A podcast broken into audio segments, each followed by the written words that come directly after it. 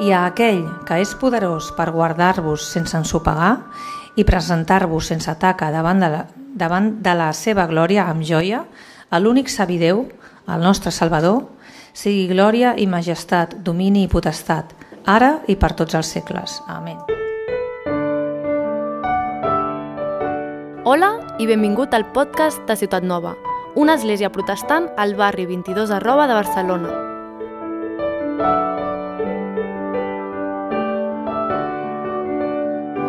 Acaba la carta de Judes, una carta molt curta, però també una carta que ens ha fet pensar molt, oi que sí? Eh, una carta dura, eh, comença d'una manera molt bonica, acaba, com veiem avui, d'una manera molt bonica, oi? Però entremig d'aquestes dues belleses, eh, d'aquesta manera tan preciosa d'escriure que té Judes, doncs hi trobem coses dures, coses desagradables a persones eh, que estan generant situacions eh, dolentes enmig d'una comunitat, d'una església, i per això Judas envia aquesta carta. Per tant, la carta de Judas, com hem dit, és dura, però té aquest començament i aquest final preciosos. Avui és diumenge de sanció, oi? Si celebrem eh, i utilitzem el calendari eh, cristià, eh, podem dir que és diumenge en el que, de forma especial, els cristians recordem aquell moment de l'ascensió, que és una cosa que tenim molt oblidada. No? És, el Senyor Jesús va venir, va morir eh, a la creu pels nostres pecats, va ressuscitar i ja està, oi? Però hi ha un moment que és el moment en el que Jesús torna al cel i està intercedint per nosaltres. I això és important no oblidar-ho. L'escriptura dona importància a aquest moment de l'ascensió. No?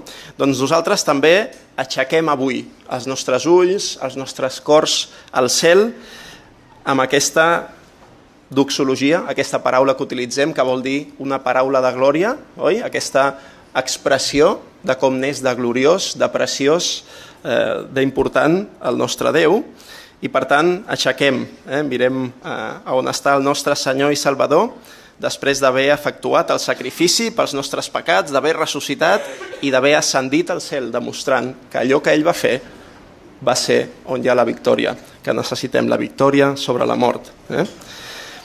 Però tu pots pensar, sí, la glòria de Déu, potser a vosaltres us sembla una cosa molt sublim, que sou cristians, però jo no estic acostumat a l'àmbit cristià i eh, tot això de la glòria de Déu em sona una cosa molt llunyana al meu dia a dia. De què em serveix això a mi? Quina importància té pel meu dia a dia aquestes paraules tan glorioses, oi? Sobre Déu. La glòria de Déu potser et sona una cosa molt llunyana, però deixa que et digui que tant tu com jo, en el nostre dia a dia, cantem doxologies. Cantem, o si no ho cantem en paraules, oi? o amb càntics, sí que expressem amb la nostra vida, amb el nostre dia a dia, què és el més valuós que existeix per nosaltres. Què és el més important per tu? Què és el més gloriós, el que té més valor, el que pesa més per tu? en el nostre dia a dia, en la manera en la que vivim, transmetem un missatge que diu el més important a la vida és la família, una bona educació, una bona feina, una bona parella. Potser transmetem coses com aquestes amb el nostre dia a dia. Per tant, et repto avui a que aquests déus alternatius, deia Calví que el cor humà és una fàbrica d'ídols constant, oi? De déus alternatius, de coses amb les que substituïm a l'únic Déu que existeix, doncs et repto avui a que eh, comparis aquests ídols amb l'únic savi Déu que es presenta a les Escriptures. Eh? Tu en el teu dia a dia expresses lluança, adoració, admiració desig per coses o persones. Per exemple, ahir va haver un partit de futbol. Els camps de futbol, una nit tràgica, és veritat, els camps de futbol s'han convertit en els nous espais de culte, podríem dir, de la nostra generació, oi? De la Barcelona del segle XX, de l'Occident eh, del segle XXI, perdó, ja estic tornant un segle enrere, del segle XXI, però són realment com esglésies, tens una sèrie de persones que estan allà al mig, que estan fent una cosa i la gent del seu voltant estan disfrutant, gaudint, fins i tot fent gestos d'adoració cap a aquelles persones que estan jugant. Allò dona satisfacció a les nostres vides. Expressem quan estem en un camp d'aquesta manera. Això és el més gran, el més important, el més preciós que hi ha per mi. No hi ha res que em faci disfrutar tant com això. Això és gloriós. És el missatge que transmeten els aficionats que estan en aquest camp de futbol moltes vegades. És el missatge que transmets quan vas a un concert del teu grup preferit, potser. No hi ha ningú com aquest grup. Són impressionants, són gloriosos, són meravellosos. Mira el que genera amb tota aquesta gent, oi? Ens han dit que aviat vindrà el Bruce Springsteen a la nostra ciutat una altra vegada i bueno, el tema de les entrades es veu que ja, ja, ja no en pots comprar. No sé quan és el concert, però s'esgotaran molt aviat, no? I aleshores és com aquest moment tan especial per tanta i tanta gent que et diuen jo he anat a no sé quants concerts del Bruce Springsteen, vaig estar l'any 80 i pico quan va venir en Seon i t'expliquen, és una experiència pràcticament espiritual la que tenen en aquest concert, oi? Totes aquestes coses expressen què és important per nosaltres. Són déus alternatius, la música, el menjar, el sexe, la popularitat, els diners, el poder, la influència, a què dones glòria amb la teva vida? A què dones valor amb la teva vida? En paraules o sense, tots donem glòria a alguna cosa o persona.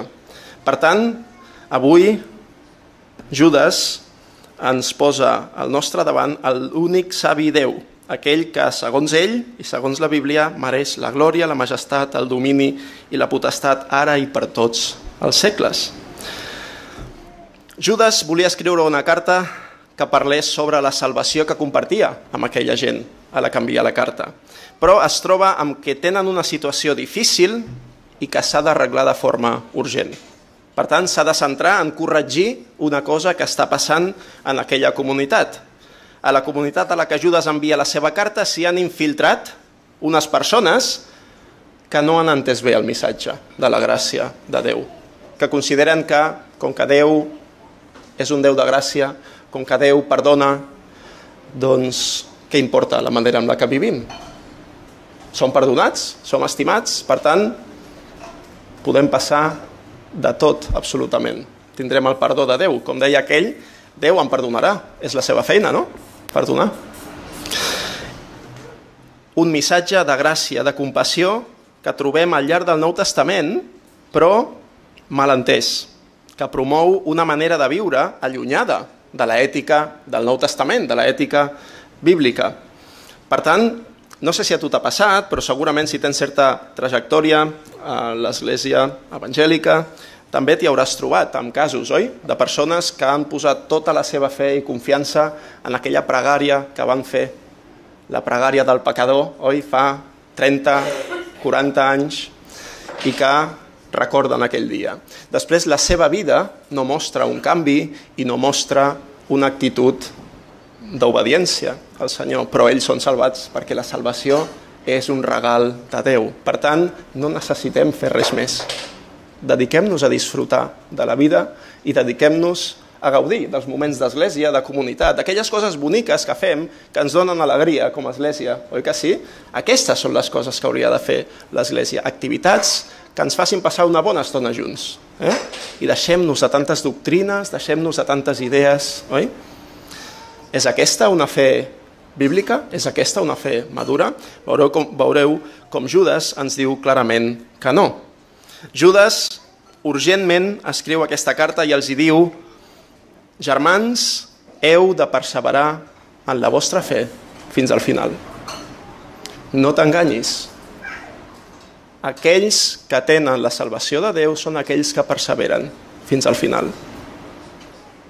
Per altra banda, Judas també diu que Déu promet preservar i guardar-nos. Els que són seus seran preservats i seran guardats per Déu. Aquestes dues veritats estan expressades molt clarament. De fet, versets 20 i 21. Escolteu, eh? Però vosaltres, estimats, edificant-vos damunt la vostra fe santíssima, pregant en l'Esperit Sant, manteniu-vos en l'amor de Déu esperant la misericòrdia del nostre Senyor Jesucrist per a vida eterna. Fixa't el primer que diu, però vosaltres, estimats, edificant-vos damunt la vostra fe santíssima, pregant en l'esperit, manteniu-vos. Feu això. Són coses que són responsabilitat teva. T'has de mantenir en l'amor de Déu. Treballes en això? Aquesta és la teva i la meva responsabilitat diària. Però el verset 21 continua dient esperant la misericòrdia del nostre Senyor Jesucrist per a vida eterna. Per tant, esforça't, però recorda que la teva esperança no està en el que tu fas, tot i que això és molt important, i és la prova de si la teva fe és veritable o falsa, però la teva esperança està sempre en la misericòrdia, en la gràcia del Déu que promet preservar-te i guardar-te. Això em recorda una mica les paraules de l'apòstol Pau als filipencs, oi? Els hi deia, Filipencs 2, 12, 13. Així doncs, estimats meus, com sempre heu obeït, no sols en la meva presència, sinó molt més ara en la meva absència, desenvolupeu, i aquesta versió que utilitzem diu, desenvolupeu la vostra salvació. Altres versions podrien dir, treballeu en la vostra salvació. Amb temor i tremolor, perquè és Déu el qui obra en vosaltres, tant el voler com l'obrar, segons la seva bona voluntat. En altres paraules, aquestes dues veritats sempre van juntes. Esforça't en la teva salvació, amb gran respecte, amb dedicació, amb voluntat, avalua't. Pensa, estic vivint com he de viure? Estic fent allò que he de fer en el meu dia a dia per agradar al Senyor? Però recorda que la teva confiança última no està en el que tu fas, sinó en la gràcia i la compassió del Senyor. I aquestes dues veritats han d'anar juntes. Lluita, però fes-ho amb la perspectiva adequada.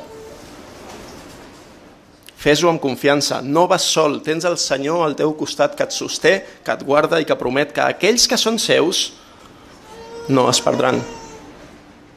Per tant, amb aquest equilibri arribem als últims dos versets de la carta de Judas. Aquesta preciosa cançó de glòria, no? d'oxologia, on Judas ens diu el següent. Eh? Ho veurem en quatre punts. El primer punt, Déu és poderós per guardar-vos sense ensopegar. La idea de que Déu ens guarda ha estat present al llarg de la carta de Judas. Eh? En el sentit positiu, Déu ens guarda en el seu amor, diu el text, i el text d'avui Judas ens diu que Déu ens guarda d'ensopegar. El que vol dir Judas és que Déu és poderós per guardar-nos d'ensopegar amb què? Amb el mal, amb la injustícia, amb el pecat. Déu té la capacitat, diu Judas, té el poder de guardar-te sense ensopegar amb el pecat. Què genera en tu aquesta veritat? Què genera en tu aquesta veritat? Déu és poderós per guardar-te sense ensopegar. Això en nosaltres ha de generar confiança, ha de generar esperança, alegria, ànim, descans, Déu és capaç de guardar-me sense caure. Tens en compte aquesta veritat en el teu dia a dia? Està la teva vida, el teu dia a dia marcada per aquests ingredients com la confiança, l'esperança, l'alegria, els ànims, el descans en Déu? Si no és així, llegeix la carta de Judas és molt curta, la que vam de llegir junts. Llegeix la carta de Judas, comença per aquí, amb un esperit de pregària, amb humilitat, i demana al Senyor aquesta confiança, aquesta esperança, aquesta alegria, aquests ànims, aquest descans, en què ell és poderós per guardar-te sense ensopegar. Avui en cadascun dels punts us faré una petita broma la que jo repetiré la frase bíblica i et diré una cosa que molts cops els nens ens diuen, oi? Et diré, Déu és poderós per guardar-te sense ensopegar i és important que et digui això. Déu és poderós per fer això i tu no. I tu no ets poderós per guardar-te sense ensopegar. el que tu ets incapaç de fer, Déu sí que ho pot fer. La teva lluita, el teu esforç són necessaris, però no són la garantia de que et mantindràs ferm fins al final. L'única garantia que tenim és que Déu és capaç de guardar-nos sense ensopegar. És aquesta la teva confiança? Quan mires al futur, en què confies? En lo bé que ets capaç de fer-ho? O confies en la compassió, la gràcia i l'ajut de Déu al teu costat? Per tant, Déu és poderós per guardar-vos sense ensopegar. Una altra veritat que ens transmet el text. Déu és poderós per presentar-vos sense taca davant de la seva glòria, amb joia. Per presentar-vos sense taca davant de la seva glòria, amb joia. Sí, sí, la Bíblia ens parla d'un dia, un dia en el futur, en el que Déu posarà les coses al seu lloc. I aquesta és una veritat que no ens agrada avui a la nostra cultura, oi? El judici final és aquella paraula, aquell concepte, oi? Tan, que ens sembla tan dur, tan desagradable. El judici final, diem avui. Això és una idea horrible, pensa molta gent, oi? Quan tot ésser humà s'haurà de presentar davant de Déu per retre comptes de la manera amb la que ha viscut. Aquesta és una veritat bíblica. Déu, ens diu Judas, és capaç de fer que els éssers humans apareguem aquell dia sense taca, és a dir, sense culpa. Judas ens diu que Déu treballa per preservar-nos del gran desastre i la gran ruïna que podríem tenir aquell dia, en aquell judici de Déu. Què genera en tu aquesta veritat? Quan penses en aquell dia en el que Déu farà que cada persona reti comptes de la seva vida davant d'ell, què et ve al cap? Què sents? Què et genera aquesta veritat? Potser temor, potser responsabilitat, potser nervis, angoixa, fins i tot, oi? Jo tinc un amic que és sindicalista i que sempre s'ha preocupat i es preocupa d'ajudar els més febles, d'estar pendent de que respectin els drets d'aquells que menys drets eh, se'ls respecten.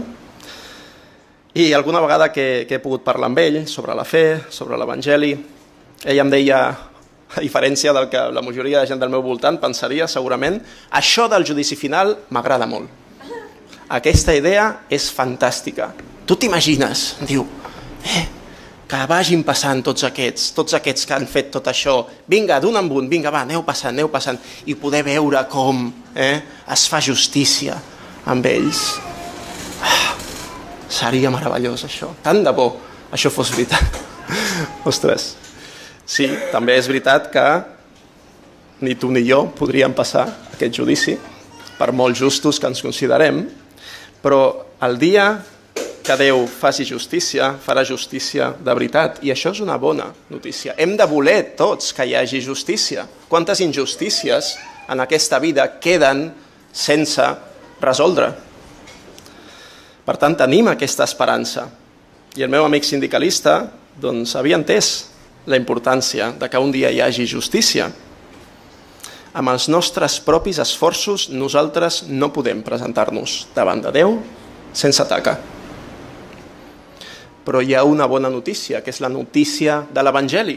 La bona notícia de l'Evangeli és que Déu no només existeix, sinó que és el nostre Salvador. I a través de l'obra de Crist proveeix aquella justícia, aquella puresa moral que ens falten, és només per això que el dia del judici final, aquells que hem fet nostra per la fe, la obra de Crist, la salvació de Crist, ens podrem acostar a la presència de Déu amb alegria. Tens tu aquesta confiança preciosa de poder-te presentar davant del Creador de totes les coses i fer-ho amb confiança i fins i tot amb alegria? Només l'Evangeli et pot donar aquesta confiança.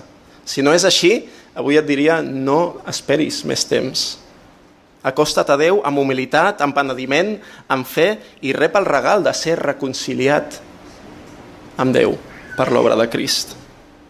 I si tens aquesta confiança, tens en compte aquesta veritat en el dia a dia? Tens en compte la veritat de que Déu és poderós per presentar-te sense taca davant de la seva glòria?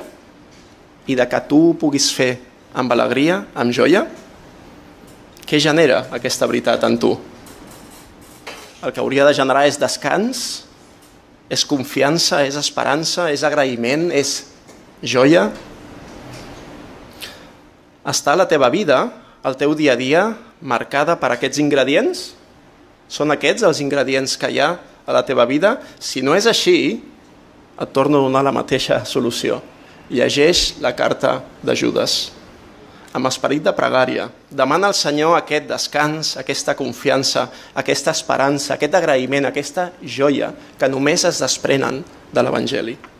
Déu és poderós per presentar-te sense taca davant de la seva glòria amb joia i tu no. Tu no ho pots fer. Només Déu pot fer això. El que tu ets incapaç de fer, Déu sí que ho pot fer. I aquesta és la glòria de l'obra de Crist, de l'Evangeli. Déu és poderós per presentar-te sense taca davant de la cosa, de la persona, de l'ésser més gloriós que existeix, davant del dia en què es farà justícia i que puguis presentar-te aquell dia amb alegria. I el text continua dient més coses. Ell és l'únic sabideu i el nostre Salvador. Hi ha altres versions que diuen ell és el Déu únic que ens salva per mitjà de Jesucrist, Senyor nostre ens quedem amb aquesta versió. Eh? Ell és l'únic savi Déu i el nostre Salvador. Al nostre voltant, eh? en el dia a dia, hi ha molta saviesa. No sé si estàs envoltat de gaire saviesa, no sé si consideres que al teu voltant hi ha persones a les que pots demanar consell. Ens diu el text d'avui, en primer lloc, que ell és l'únic savi Déu. Mira, de saviesa n'hi ha per tot arreu i no estic sent irònic, eh? és veritat, en els mitjans de comunicació també hi ha saviesa. També hi ha saviesa en llibres que pots llegir, que pots comprar. Hi ha saviesa a les cançons que pots escoltar. Hi ha saviesa a les xerrades o entrevistes amb grans savis. Hi ha saviesa amb entrevistes amb personatges coneguts i admirats. Pots treure saviesa de tot això. Fins i tot pots treure saviesa de les tan criticades xarxes socials. Oi? Això és veritat, però també és veritat que cap saviesa d'aquestes es pot comparar a la saviesa de l'únic savi Déu. Quan escoltes la saviesa de la societat que t'envolta, te la passes amb patates, perdoneu l'expressió, eh? Tu em passes directament? Jo he sentit més d'una vegada persones que diuen mira, va sortir un psicòleg l'altre dia al programa aquest d'aquest canal i va dir una cosa, ostres, molt impressionat, molt impactat pel que havia dit aquella persona, oi? Què fem amb el que sentim? Cada dia rebem missatges, cada dia se'ns bombardeja amb la saviesa de la nostra societat, amb la saviesa de la nostra cultura. Què fem amb aquesta saviesa? ens l'empassem directament, sense filtre, o la passem pel filtre de la saviesa de l'únic savi Déu. És important que escoltem el que diu la nostra cultura. De fet, com a església tenim aquest repte també. Escoltem el que diu la societat. Veiem quines són les necessitats que ells consideren que tenen, veiem quins són els seus problemes. Volem ser d'ajuda, volem ser de benedicció per a aquells que estan al nostre voltant. Però més important que això encara és que escoltem el que diu l'únic savi Déu a la seva paraula i que aquesta sigui la que jutgi la saviesa del món i no a l'inrevés. Perquè moltes vegades agafem la saviesa del nostre voltant, la nostra pròpia saviesa, i jutgem la paraula de Déu. Com pot dir això el text bíblic? Avui sabem que les coses no són així. Això potser era acceptable fa dos mil anys, però m'estàs dient que avui encara és acceptable aquesta idea que apareix a la Bíblia sobre qualsevol tema? És absurd. Són persones emancipades, són persones amb cultura. No pots pretendre que un text tan antic com la Bíblia marqui la teva vida, ens diuen. Ell és l'únic savi Déu. I aquest és el que ens empenya a viure de manera que res dolent ni res bo ocupin a la nostra vida un lloc més important que ell. Podem reconèixer que Déu és savi, podem reconèixer que ell és l'únic Déu. Però mentre fem això, a la vegada podem viure posant en el seu lloc a altres coses o persones. No deixis que res dolent, un sexe il·lícit, un amor als diners, un desig de prominència i de promoció, de ser reconegut per tothom, ni res bo, com pot ser la família, com pot ser el teu ministeri a l'església, no deixis que res dolent ni res bo ocupi el lloc de Déu a la teva vida. L'únic i savi Déu. I també diu, ell és l'únic savi Déu i el nostre Salvador. Eh? Altres versions diuen, ell és el Déu únic que ens salva per mitjà de Jesucrist, Senyor nostre. Quedem-nos amb aquesta. Eh? Ell és l'únic savi Déu i el nostre Salvador. Perquè, clar, que hi hagi un únic i savi Déu està molt bé. Però això de què em serveix a mi, podria dir algú. Molt bé, existeix un Déu que és savi i que és l'únic Déu. Jo tinc els meus problemes, jo tinc la meva vida. De què em serveix això a mi? Avui, a la nostra Barcelona, hi ha molta gent que creu en l'existència d'una divinitat plena de saviesa. No és tan estranya aquesta idea. De fet, és molt comú. A Barcelona, avui, en ple segle XXI, hi ha molta gent que creu en l'existència d'una divinitat plena de saviesa. I prou. És així el Déu de la Bíblia? El Déu de la Bíblia no és un Déu savi que ha posat en marxa l'univers i després l'ha deixat que vagi fent, sol. Un Déu que no té cap mena d'interès en com evoluciona la seva creació. La bona notícia que trobem a les pàgines de la Bíblia és que Déu no només existeix i és savi, sinó que s'interessa per tu i per mi i per cada centímetre de la seva creació s'interessa tant per la seva creació i de forma especial per cada ésser humà que ha entrat en aquesta creació, en la persona del seu fill. Jesucrist ha entrat en aquesta creació per resoldre el teu gran problema, el meu gran problema, l'enemistat amb Déu. Avui, a la nostra Barcelona del segle XXI, hi ha moltes opcions espirituals però cap d'aquestes opcions espirituals són l'Evangeli bíblic. Ell és l'únic savi Déu i el nostre Salvador. Tens en compte aquesta veritat en el teu dia a dia? Què genera en tu aquesta veritat? Saber que Déu és l'únic savi Déu i el nostre Salvador hauria de generar en nosaltres lluança, admiració, alegria, agraïment, significat. Són aquests els ingredients de la teva vida? Si no és així, si no és així, saps quina solució et donaré? Llegeix la carta de Judes. Comença per aquí, és una carta molt curta. Acosta't a aquest text amb humilitat, amb fe.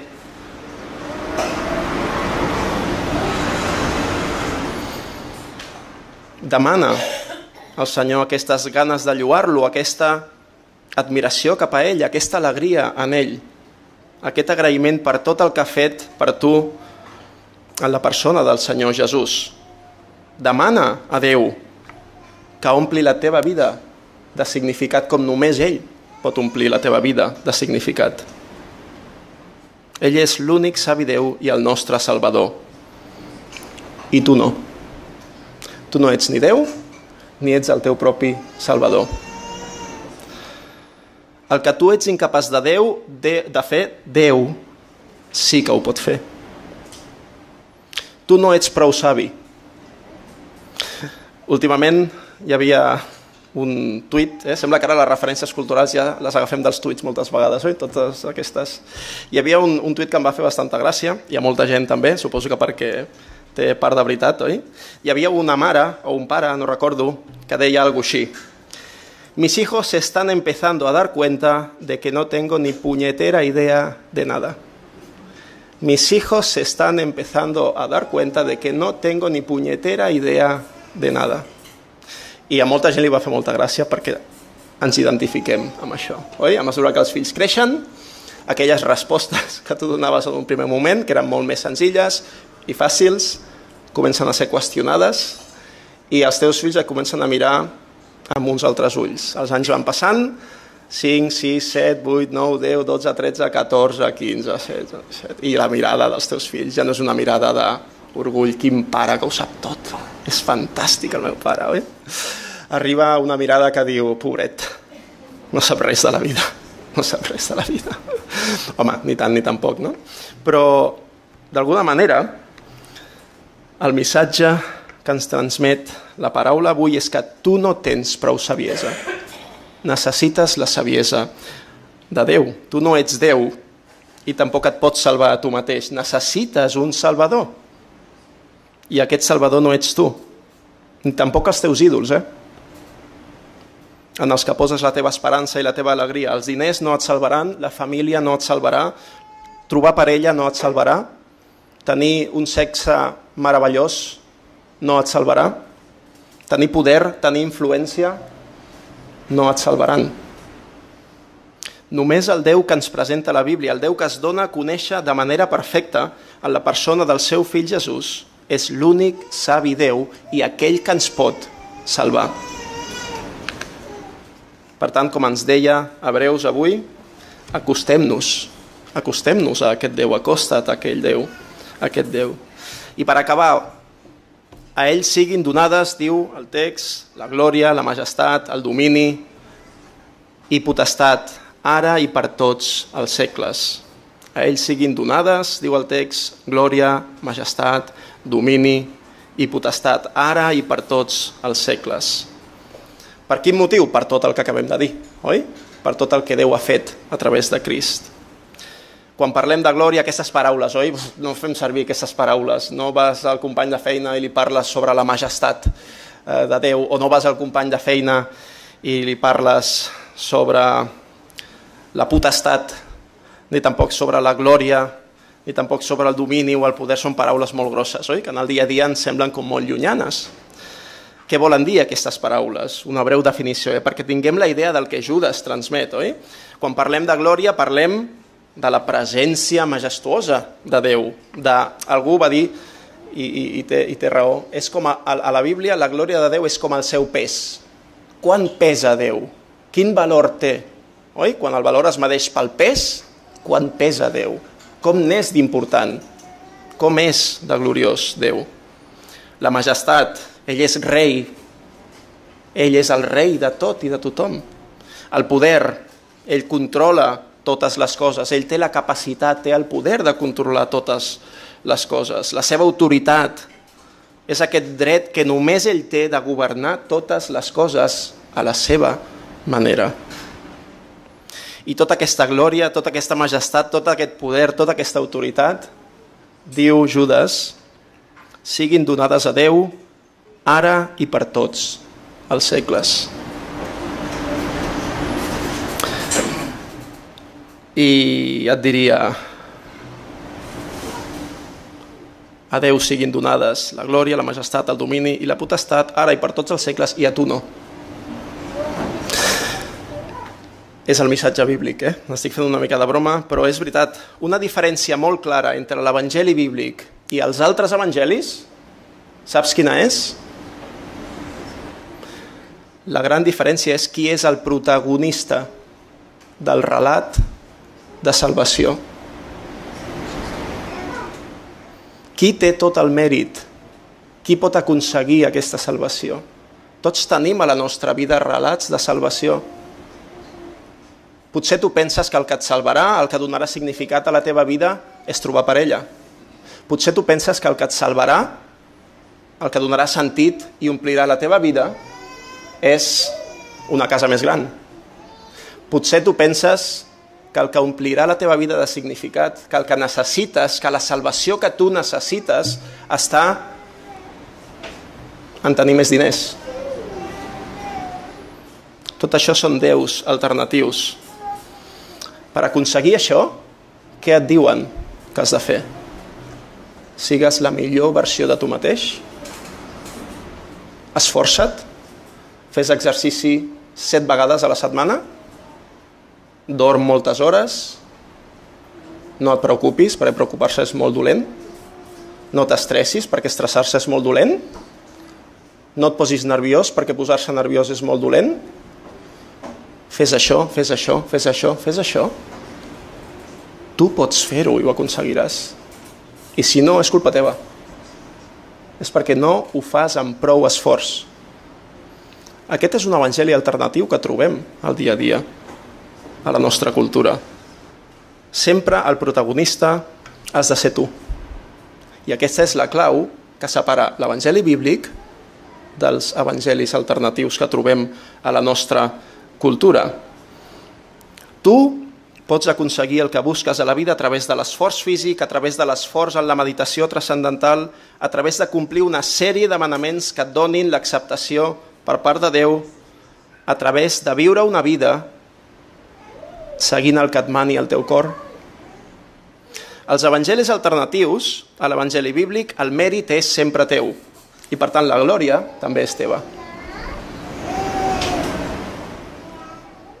A l'Evangeli bíblic, en canvi, a l'Evangeli de Jesús, a l'Evangeli predicat pels apòstols, a l'Evangeli del que ens parla Judes, aquesta fe que ha estat donada als sants una vegada i per sempre, i per la que ens anima a combatre espiritualment, el protagonista no ets tu i no sóc jo, sinó que és Déu. I això fa mal. Oi que sí? Això ens fa mal. En una societat com la nostra, que està tan marcada per l'egolatria, pel culte a un mateix, per com en som d'encantadors, de magnífics, l'Evangeli bíblic ens sembla indigne de persones tan encantadores i tan meravelloses com nosaltres. Per tant, la pregunta que et faig és, i la pregunta que et fa l'Evangeli bíblic avui és, estàs disposat a no ser tu el protagonista de la història? Estàs disposat a que la glòria, la majestat, el domini i la potestat siguin de Déu i no teves? Estàs disposat a que això sigui ara i per tota l'eternitat així? Aquesta és la crida de l'Evangeli. Aquest és el missatge bíblic, aquest és el missatge amb el que Judas acaba la seva carta. A ell siguin donades la glòria, la majestat, el domini i la potestat ara i per tots els segles. Què genera això, aquestes paraules, en tu avui? Hauria de generar coses com humilitat, lluança, reconeixement, deixar de mirar-te tant a tu mateix i posar la teva vista en les coses des de la perspectiva de Déu en Déu mateix? Tens en compte tot això en el teu dia a dia? Està la teva vida marcada per aquests ingredients? Si no és així, saps quina solució et donaré? Llegeix la carta de Judes. Acosta't a aquesta carta amb esperit de pregària. Demana al Senyor aquesta humilitat, aquesta lluança, aquest reconeixement que t'ajudi a treure la mirada de tu mateix i centrar-la al cel, on està Déu, on està Jesús mateix. Per tant, que el Senyor ens obri els ulls a aquesta salvació tan preciosa si encara no ho ha fet. I que si ja ho ha fet, renovi espiritualment a totes i cadascuna de les persones que estem aquí perquè puguem dir com Judas, quan sentim tota la glòria que mereix Déu, puguem dir, sí Senyor, amén, que així sigui, que la glòria sigui per ell, que el mèrit sigui no per mi, sinó per ell, i que sigui així per tota l'eternitat. Pots dir amén a aquesta confessió, a aquesta doxologia? Amén, que així sigui. Gràcies per escoltar aquesta predicació. Si tens preguntes respecte al seu contingut o vols tenir una conversa sobre l'Evangeli, no dubtis en contactar-nos. El nostre correu electrònic és info arroba cn22.org.